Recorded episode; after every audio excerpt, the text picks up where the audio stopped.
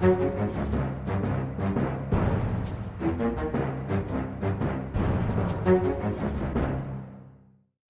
kjører vi i gang. Eh, velkommen til en ny uke med Aftenpodden. Jeg er politisk journalist Lars Glomnes. Med meg så har jeg eh, politisk redaktør Trine Eilertsen. God dag, god dag. God dag.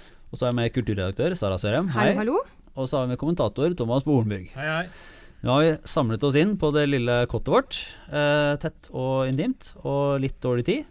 Men eh, vi kjører på, eh, for nå er det Oslo-uke de luxe og det nye byrådet, eller byregjeringen, som Raymond Johansen gjerne vil at vi skal kalle det, eh, ble presentert på onsdag. Først må vi bare byregjering eller byråd, hva blir det? Nå har jo, I dag har Jan Tore Sanner gått ut og latt som han bestemmer alt, og sagt at det kan de bare glemme eh, å kalle seg byregjering. Det må en lovendring til, og han er ikke interessert i å ta ansvar for at den skal bli gjennomført.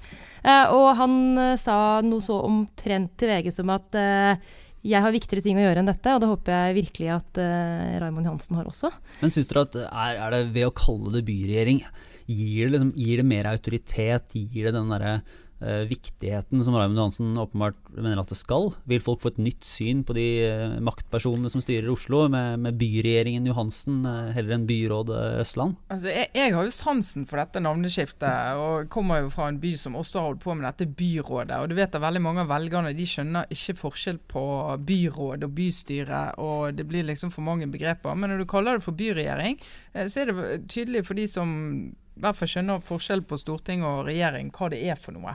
Eh, og Så sier byrådet i Bergen, Harald Kjeldrup, byrådsleder der, da, sier at vi skulle gjerne ha byttet navn.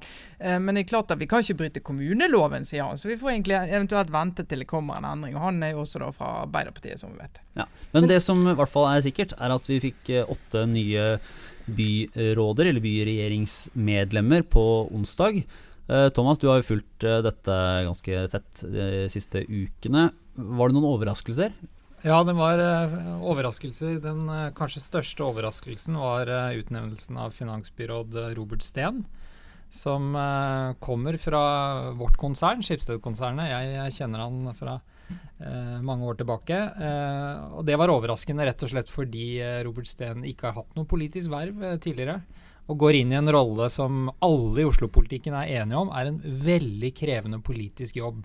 Det er lokalpolitikkens svar på å være finansminister, og da må man finne politiske muligheter innenfor trange økonomiske rammer. Det er en vanskelig politisk jobb som Robert Steen skal gjøre som det første han gjør i politikken. Men han har jo noe, da, for han er jo eh, eks-svogeren til Raymond Hansen. Er det ikke det? det er jo, og, Nei, han er sønn. Sønn av Reiulf Steen. Han er sønn av Reiulf Steen, så i den grad uh, dette går i arv, så, så har han uh, mye å Men altså, det burde være på. Det burde være en egen stilling ved hvert fall ett universitet i Oslo. Eget, et eget professorat som bare var eh, kremnologi i Arbeiderpartiet, og slektsforhold og dynastier. Eh, fordi alle tror at det kanskje er snakk om eh, ja ja, Stoltenberg har sikkert en sønn som blir flink en dag. Men altså i Arbeiderpartiet så er jo dette her satt i system. Og, og eh, relasjonen mellom Raymond Johansen og Steen-familien krever rett og slett tunga rett i munnen. De er altså eh, stesvogere. Sånn var det. Ja, for, for, for, det de driver med Arbeiderpartiet i Oslo, de driver og skiller seg hele tiden òg. Sånn at da, da, da, liksom kommer det inn en dimensjon her som gjør at når vi skal begynne å snakke om habiliteter og relasjoner, så da er jeg opp, da. Ja, for, si. fordi Den glemte jeg å ta med den nyanseringen. De er jo ikke bare stesvogere, de er eks-stesvogere. Selvfølgelig. Fordi Raymond Johansen er nå separert fra sin kone, som altså er datteren til kona til Reiulf Steen, som er faren til den nye finansbyråden. Henger dere med? Nei. Nei og dermed har vi vel sagt det viktigste om det nye byrådet. Men uh, hvilke andre navn er det man skal uh, bite seg merke i, og, og, hva er det vi kan forvente ut fra de som har blitt uh, utnevnt nå? Inga Marte Torkelsen gjør comeback. Det, det, kommer vi til å merke. Hun kommer til å synes mye og får ansvar for et monsterområde. Veldig godt valg. Veldig godt valg. Jeg, si. jeg syns ja. det, det, er det sterkeste kortet i, i byrådskabalen. Og så er det klart at Miljøpartiet De Grønne får Eh, de to byrådene som eh, tar ansvar for eh, miljø, samferdsel, byutvikling, så de skal nå virke De får ansvaret for det de har eh, gått til valg på, nemlig en, en helt ny eh, miljøpolitikk i byen. Eh, så blir det veldig spennende å følge. Veldig, veldig spennende. Så Samferdselspolitikken som MDG har ansvar for, og byråden for nå, er jo kanskje fordi at Oslo er Oslo og har uh, den relasjonen til nabokommunene som Oslo har. Uh, så alt som skjer i Oslo har betydning for mange flere enn de som bor i Oslo. De som velger inn folk til bystyret i Oslo. Uh, og det er også politisk sånn hekling og fingerspitzgefühl og, og finfølelse på, på, veldig veldig høyt nivå. Uh, og det er klart at uh, MDG har ikke lang erfaring med å drive den type politikk, så der som andre steder så kan det hende de knekker koden med en gang, men det blir, uh, det blir noe av det vi kommer til å følge tettest. Men på denne altså byrådserklæringen, hvordan ser det ut for, MD, altså for MDG? hva synes dere, har, har, de fått, har de fått så mye ut av det som de kunne håpe på? Jeg vil si at miljø- og klimaområdet er det området hvor eh, byrådserklæringen er mest ambisiøs. Eh, den er svært ambisiøs når det gjelder målsetninger. Eh, klimagassutslippene fra Oslo skal halveres i løpet av fem år. Det er uhyre krevende, langt på vei urealistisk. Og det skal være fossilfritt, altså nullutslippsby, i 2030. Så er det mer åpent hvilke virkemidler som skal bringe oss dit. Men også der så er antydningene uh, lover en helt uh, en mye større takt da, i, i, det grønne skiftet i Oslo. Lavutslippssoner innenfor Ring 2. Bilfritt i sentrum. konvertere et kjørefelt på Ring 3 f.eks. til et kollektivfelt. Sånne ting som virkelig folk vil merke hvis de gjennomfører det. Men da syns jeg du hadde en god observasjon tidligere i uka Thomas, rundt det med Arbeiderpartiets evne til å legge inn noen forbehold i liten skrift i sånne type avtaler. Og eh, hvis jeg forsto deg riktig, så ser vel du noen tegn på at styringspartiet Arbeiderpartiet kanskje klarer å på en måte unngå de største, mest kontroversielle sakene. Eh, eller i hvert fall forhalt det ut i tid. Men eh, om, det var, om, det var, det du mente, men at bilfritt sentrum f.eks. kanskje ikke er så realistisk som de skulle ønske? Jeg tror MDG. Bilfritt sentrum, det, det, tror jeg er et eksempel på at det, det, kommer de til å gjøre. Prøve å få til det ordentlig. Men, men på målsetninger så tar de forbehold som gjør at de om fire år kan si at ja, det lå et forbehold f.eks. For om fangst av CO2 på Klemetsrud. Eh, det er det staten som styrer over. Lavutslippssoner, der er det avhengig av et lovgrunnlag som ikke er klart. Det samme gjelder bomringeavgifter. Så på en lang rekke områder som er, som er liksom, eh, nevnt, men ikke helt løftet fram i erklæringen, så, så er de avhengig av andre. Eh, og det eh, syns jeg ser Arbeiderpartiets klo i mange av kapitlene, hvor de har eh, lagt igjen spor som gjør at de, når de kommer til, til den dagen hvor de skal bli målt, så, så kan de si at men det var ikke helt opp til oss. Nå er det jo litt uh, Det er farlig å spå, men vi er jo glad i det her. Så det er bare å kjøre på. Vi mislykkes og gjør det igjen og igjen. Ja, ja. Men uh, så, så, sånn som det ser ut nå, da, er, er det på en måte Fallhøyden blir jo stor for MDG. Er det de har fått til, er det er det sånn at det ser ut til at de kan bygge videre på dette og opprettholde støtten sånn som, eh, sånn som dere ser det, eller er det, uh, er det sånn at det nå nesten uansett vil skuffe en del av den kjernen som har, som har gitt en så høy oppslutning til nå?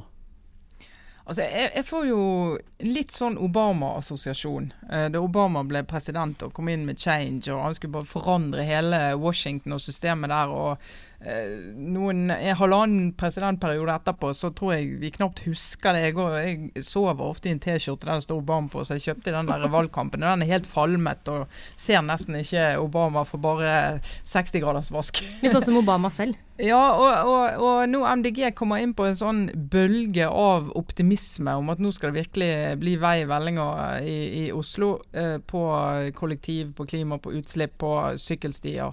Eh, og jeg håper jo at de får klare å få gjort en del, for det er faktisk veldig mange som bor i Oslo som er opptatt av dette. Men så frykter jeg jo at MDG blir slukt opp i et system som handler nettopp om alle disse avtalene og kompromissene og treghetene i systemene. Eh, som gjør at eh, når eh, Lan eh, Berg skal stå og forsvare seg om et halvt år, ett år og to år, så, så blir det en del velgere som tenker ikke de heller. Jeg merker at jeg kvier meg for å sammenligne Barack Obama og Lan Marie Berg, men, men uh, det er, Og det er en del av vår jobb nå å, å, å stille spørsmål med hvor realistisk politikken er. Men samtidig så, så, så syns jeg vi, vi, må si at det er det er jo en ambisiøs byrådserklæring. Altså den, den, er jo et uttrykk for en vilje til å ikke bare videreføre alt sånn som det er. Og det merker jeg, det har, jeg har respekt for for at de eh, stikker nese og hode og hals ut og, og, og, litt sånn briste og bære-strategi i Oslo. særlig på miljøområdet. og det det blir spennende å følge, men jeg har respekt for at de prøver.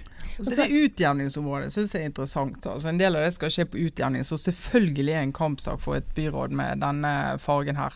Eh, og en del av de tiltakene som de Altså eiendomsskatt for Oslo vest, det tror jeg eh, veldig mange av deres velgere lever veldig veldig godt med. Eh, nå er det jo noen som snakker om et byråd kun for Oslo øst, og det, det kan vi jo ikke ha. Vi må ha et byråd som eh, favner hele Oslo. Eh, men se på, se på dette med gratis kjernetid på aktivitet aktivitetsskolen, gamle SFO, som de også deler inn i, i, rett gjennom Oslo og sier de i øst skal få det, ingen i vest skal få det. Eh, og da er det, tror jeg faktisk en del som Jeg bare merker ikke sjøl at jeg reagerer, bare ved å se i mitt nærmiljø hvor jeg ser familier, eh, og jeg bor i Nordre Aker, eh, som godt kunne ha nytte av det. Mens jeg også har venner som bor i, på Sagene og på Grünerløkka, som ikke trenger det mer enn noen andre jeg kjenner. Eh, sånn at du får noen sånne bomskudd som handler om at du deler opp Oslo på et grunnlag som ikke alle kjenner seg igjen i. Uh, pluss at du får en sånn øst-vest-skille som er litt kunstig på noen områder, men selvfølgelig helt reelt på andre. Men det viser jo helt spesielle utfordringer gjennom å, være nettopp en byregjering, for å bruke det begrepet de liker sjøl. Men eh, det å være urban politiker, det å være politiker i en storby, i det som etter hvert kommer til å bli en millionby, det er jo bare i Oslo at man har en del av de utfordringene som er knytta til å leve i en storby. Og det jeg syns er litt kult, er at uh, De Grønne har også noen trekk. Uh, hvis du leser programmet, Det er dessverre litt mellom linjene, men, men, de har altså noen tanker rundt hva en urban politikk innebærer innenfor byutvikling og kultur som er mye friskere enn Arbeiderpartiet. Nå fikk jo Arbeiderpartiet kulturbyråden, eh, men MDG har jo fått av byutviklingsbyråden. Eh, og det tenker jeg kan bli spennende å følge også, for de har smarte tanker eh, rundt arkitektur, fortetting, det å skape gode byrom. Uh, og Det syns jeg har vært bra hvis Oslo nå kunne få en storbypolitikk uh, som, uh, som, jeg syns Det er mulig jeg nå letter litt sånn vel positivt, men det var en slags sånn schwung over presentasjonen. Uh, av, av gruppa til Raymond. Har, har, du liksom, har du mykna litt overfor Miljøpartiet De Grønne i løpet av de siste par månedene? Er det jeg føler at du, liksom, du gikk fra å, å, være ganske skeptisk til at du har uh, blitt litt mer positiv. Ja, men Da kjente jeg nesten litt sånn eksistensiell angst her, for jeg har jo en allergi mot småpartier. Det må jeg bare innrømme. Jeg får litt fnatt av det. Ville Tony Blair likt De Grønne? Det må What would Tony say, må jo du uh, tenke, Sara. Jeg tror, han ville, jeg tror han ville vært så frustrert at han ikke ville omtrent klart å Han ville starta en krig bare i ren frustrasjon. Men uh, her slites jeg, som mange andre, tror jeg, mellom en generell oppgitthet over småpartier og en sånn følelse at jeg vil at Oslo skal være kult. Jeg vil at Oslo skal være fremoverlent og ja, urbant, da, selv om det er et slitt ord. Og jeg ser jo at det ligger noe der hos De Grønne som jeg liker. Så her er det en, jeg må ta en samtale med meg selv, rett og slett. Men uh, veldig splittet i synet på akkurat dette. Men uh, et, uh, et, viktig tema fram mot altså, fram mot 2017 er jo nettopp Ok, så får man Arbeiderparti-byråd i Bergen og i Oslo. Mm. Eh, hva har det å si for, eh, for, den valgkampen som kommer om to år? Og hva, måte, hvordan er det de ikke må drite seg ut eh, nå i løpet av denne perioden? Altså, det som er, I Bergen har jo Arbeiderpartiet valgt en annen type samarbeid enn i Oslo. Der samarbeider Arbeiderpartiet med Venstre og KrF, som har samarbeidet med Høyre i mange år. Uh, og det har vært uh, Det er jo jeg tror det er et av eh, Jonas Gahr Støre sine favoritteksperiment, hvis du skal se på hva som skjer med Arbeiderpartiets styring av kommune frem mot 2017. Uh, hvis han greier, og Arbeiderpartiet i Bergen greier å lage et godt samarbeid der, de, de gir jo masse, uh, og virkelig har snudd seg, lagt seg helt på rygg i den mest brennhete saken, bybanesaken, for å få med seg disse partiene. Det er ganske spesielt. Uh, men de, de, skal altså inn og styre Norges nest største by i en modell som vi kan nok ikke se for oss en, en, sånn modell på riksplan, men det samarbeidet med Venstre og KrF og de, den tilliten og de båndene som bygges opp, det er klart at det er interessant frem mot 2017 når, på riksplan. Det har jo vært den der pilegrimsturen til Trondheim hvert fall, som Støre gikk eh, for noen år siden. Og hans eh, kan man si flørting med religion. I hvert fall så er han veldig tydelig han, han er jo tydelig troende. Eh, og sikkert Ja, han tror på ting. Særlig dialog, men også litt på Gud. Og det er klart at det må jo klinge litt bedre i KrF enn det tidligere markerte Arbeiderpartipolitikere har uttalt, for å si det sånn. Men så er det, Thomas, du nevnte jo det at i Oslo det, de samarbeider nå med De Grønne og peker jo frem mot eh, 2017. Altså En av de faste størrelsene i norsk politikk er at Arbeiderpartiet søker makt. Det vil de gjøre i 2017, og de ønsker et bredest mulig grunnlag for for å søke makt. Og Det kan skje på to måter. At de utvider det grunnlaget. Det er å få med eh, Miljøpartiet De Grønne. Og det er å få KrF over på deres side. Og I Bergen så prøver de nå det ene, og i Oslo prøver de det andre. Så Sånn sett så var utenvalgresultatene i de to store byene veldig bra for Arbeiderpartiet. De får nå knyttet allianser både til De Grønne i Oslo og til sentrum i, i Bergen. Eh, og Går det som de håper, så, så vil det skal vi si, myke opp motstanden mot Arbeiderpartiet i deler av miljøbevegelsen og i, i begge sentrumspartiene. Uh, og et sånt historisk perspektiv så gikk jo Arbeiderpartiet for første gang i koalisjon med andre partier i 2005, eh, med to andre partier. Og det Støre har gjort, er på en måte å gi den strategien en omdreining til. Ved å utvide samarbeidsstrategien. og Det er det de nå prøver i de to store byene. Betyr det at de egentlig først og fremst trenger å holde disse samarbeidene sammen i eh, i, i, Oslo og Bergen, og så, og så, vil det være en slags bonus inn mot 2017 eh, uansett? Eller må de ha veldig konkrete resultater å vise til? Altså, det, det, er mye vanskeligere å uh, få til et sånt samarbeid på nasjonalplan, for da har du saker som er mye vanskeligere for disse partiene å inngå kompromisser om. Så det, de, det minste de må klare, er jo å holde liv i samarbeidet i de fire årene det, det handler om, i hvert fall de to frem mot, uh, mot 2017. Eh, men så er det jo interessant å se Høyre, da, eh, når dette skjer i Bergen og Oslo.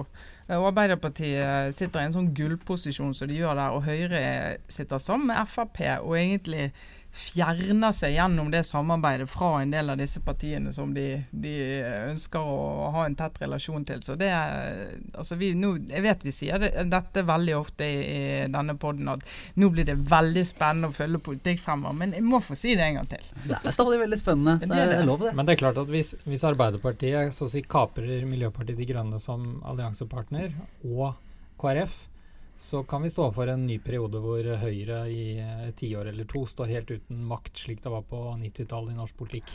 Eh, og det er jo Arbeiderpartiets ønskedrøm at det går sånn. Du var litt inne på det, Trine, men du har også snakka litt uh, om det, Thomas. Den der faren for at, uh, for at Arbeiderpartiet i Oslo blir et uh, østkantparti. Uh, og veldig sånn uh, at, at, fordelene kommer til østkanten, og, og, ulempene og skatten og alt andre kommer til vestkanten. Og var det Gunnar Stavrum som snakka om å, å få, få, Aker ut som egen kommune, og var, måte ville gjøre opprør mot hele systemet. Uh, I hvilken grad er det en sånn strategisk fare for Arbeiderpartiet i Oslo? Ja, det er farlig. og jeg skjønner at debatten kommer. Altså, Eiendomsskatten skal betales på vestkanten i all hovedsak. Eh, aktivitetsskole skal eh, bli gratis for den østlige delen av, byen, eller i hvert fall halvdagsplass. Eh, hvis du ser på, på idrettsanleggene som skal prioriteres i byrådserklæringen, så ligger de på øst. Hvis du ser på sykkelveiene som er nevnt i byrådserklæringen som skal bygges ut, så går de fem av seks går østover. Så det er eh, E18 som går vestover, skal stanses, kan medføre kø for de som bor på vest. Så det er ikke noe tvil om at um, det er en byrådserklæring som, uh, som ser mer til problem, utfordringer på øst enn på vest. Og jeg tror det er veldig farlig politisk hvis det inntrykket fester seg. Uh, vi har hatt borgerlig styre i byen i 18 år. Det blir gjerne jevne valg. Miljøpartiet De Grønne må, hvis de skal klare å beholde et rød-grønt flertall, holde på en del velgere på Frogner og sånne steder. Og Arbeiderpartiet må holde seg på sånn mellom 10 og 20% i Høyres sterke kretser. Eh, det holder ikke å vinne østkanten, de må vinne en del på vest også. Og det klarer de ikke hvis det inntrykket fester seg. Jeg kan jo røpe, da, jeg som tilhører Frogner eh, bydel, at uh, alle de sakene du sier nå, Thomas, er, er nok samtaletemaer. Og så er det en sånn symbolsak også, som, uh, som, ikke er så stor, men som likevel betyr mye for uh, mennesker med mennesker som har de store hagers selvtillit. noe som kjennetegner en del folk på Oslo vest. Det er dette med eplehageutbygging. Og uh, denne striden gjennom om man skal uh, rett og slett fortette byen også i de finere villastrøk, og bygge ut eplehagene. Eh, eller om man skal beholde da, dette særpreget ved disse fantastiske villaområdene hvor du har de store trebygningene som ligger som storslåtte store hager. Dette eh, har jeg hørt flere opprørte kommentarer om etter at eh, Arbeiderpartipolitikere gikk tydelig ut og sa at eh, eplehagefortetting er et byutviklingsgrep man må gjøre i Oslo. Så eh, det fyrte opp eh, noen mennesker på Frogner. Om det får noen betydning, veit jeg ikke. Men eh, vi får egentlig hoppe videre, for vi har ikke den eh, lengste podkasten eh, i dag. Eh, men apropos fyre seg opp, fordi Trine Eilertsen, du har jo tilbrakt formiddagen i selskap med ingen ringere enn Fremskrittspartiets første nestleder Per Sandberg. Ja, selveste PSA. Vi har laget to mot én-hold, Stanghelle og jeg. En liten sånn TV-ting som vi gjør når det passer seg sånn. Og nå passet det sånn fordi at Frp har landsstyremøte i helgen. Eh, og skal diskutere regjeringsdeltakelse, flyktninger og det ene med det andre. Og vi fikk en eh, god prat med han, og eh, han leverte. Vi spurte han f.eks. om han trodde at oppslutningen rundt Frp vil øke hvis han blir statsråd. Det svarte han ubetinget ja på. Uh, og det syns jo jeg Det er jo fint. Det hadde jo vært synd hvis han trodde det motsatte, da. Så jeg syns det var flott han svarte ja på det. Han så ikke bort fra et Frp opp mot 30 om ikke lenger. Nei, vi snakket om at nå skal Frp håndtere den største flyktning- og asylsøkertilstrømningen uh, Norge har sett, egentlig, i nyere tid. Uh, de skal håndtere det. Og jeg, jeg ville jo spørre om fra, et, fra det ståstedet som jeg tror en del av FrPs velgere har. De er bekymret for det som skjer nå eh, frykter han at det kan komme et nytt parti til Høyre ettersom Frp rett og slett ikke leverer på innvandringspolitikk. De lovet før valget at hvis de kom i regjering, så kom innvandringen til Norge og ble lavere. Det har de ikke levert på. Eh, og Det er det svært gode forklaringer på. Eh, men det mente han at eh, det kom. Det kommer. Eh, litt uklart for meg hvordan det er, men han snakket om innstramminger og, og en del ordninger som kommer nå. Men det stopper jo ikke de som har kommet. da. Men resultatet av det mente han ville bli at Frp kunne nå både 20 og 30% I regjering? Før, mens de sitter i regjering frem mot 2017. Så det han, var på, han, var glad i dag, da, i hvert fall. Ja, han var, han var i. Han var i godt slag.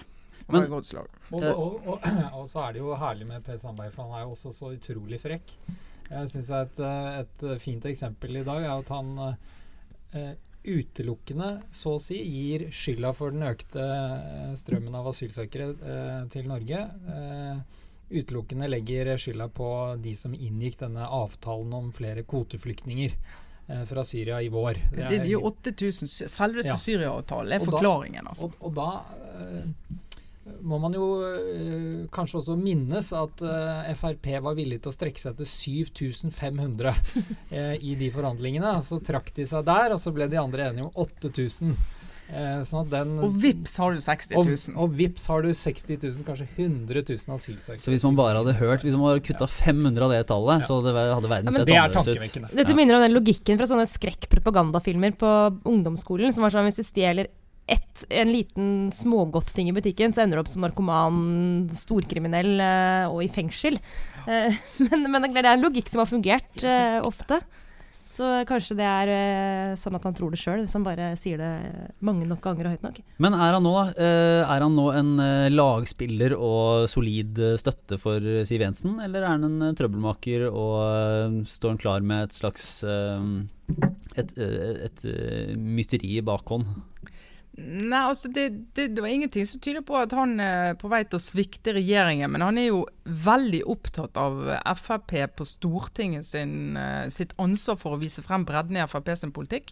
Og snakke om egentlig alt som ikke står i regjeringserklæringen, uh, og få frem det. Uh, nå tror, tror jeg en del av velgerne ikke helt forstår dette. Men disse 9,5% som vi snakket om til valget, det, det, gjorde ikke inntrykk på han. Han var rett og slett ikke bekymret for det, påsto han. Så um, vi får se hvordan han skal kommunisere dette. Eh, Dobbeltrollen til Frp. Regjerings-Frp og stortings-Frp som eh, han forstår veldig godt, men ikke alle andre forstår. Men det er, altså, det er ingen umiddelbar fare for at Fremskrittspartiet skal si fra på landsstyremøtet nå at, at, de vil ut av regjering? Altså Noen på det landsstyremøtet kommer sikkert til å si det, men jeg tror ikke Frp kommer til å gå ut av regjering.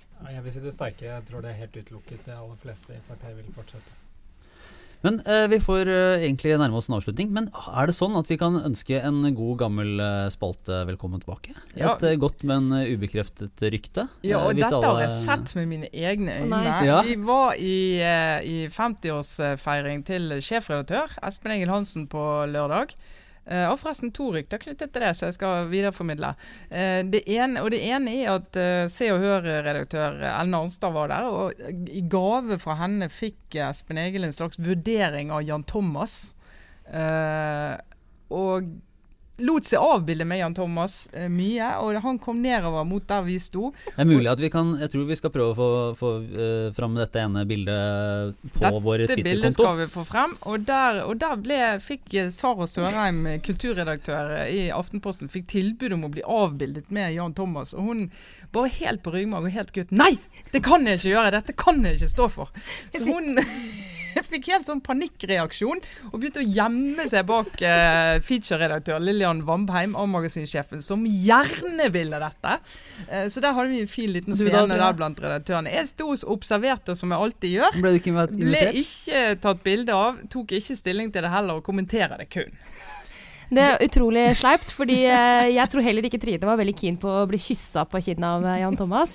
Eh, men jeg står for den vurderingen i ettertid, selv om det fremsto ganske sånn uptight og lite raust når jeg liksom flykta av gårde. Og jeg, jeg vet at jeg er i fare for å bli oppfatta litt sånn kultursnobbete, og det tror jeg var akkurat det som skjedde. Ja, det er det vi går for. som skjedde. Men det andre som skjedde, jeg må fortelle det, fordi at uh, vår eh, sjef hadde jo da 50-årsdag i helgen. Han hadde masse familie og venner og slektninger på besøk, og de var hjemme hos han og spiste lunsj søndag. Da var det innsamlingsaksjon for eh, Regnskogen, TV-aksjon. Det ringer på døren, han går ut og åpner. Hvem står der? Erna Solberg med bøssen. og dette var helt tilfeldig. Og han eh, inviterer hun inn, og liksom familie og venner. Ja, hils på statsministeren som går rundt og ber om penger til regnskogen fra dør til dør i, i Norges største by. Så det var jo eh, litt vittig, det Så der, en liten verden. Uh, og med det så runder vi av for denne gang. Uh, det var Aftenpodden med Thomas Bolenburg, Sara Sørheim, Trine Eilertsen og meg, Lars Klomnes. Ha det bra.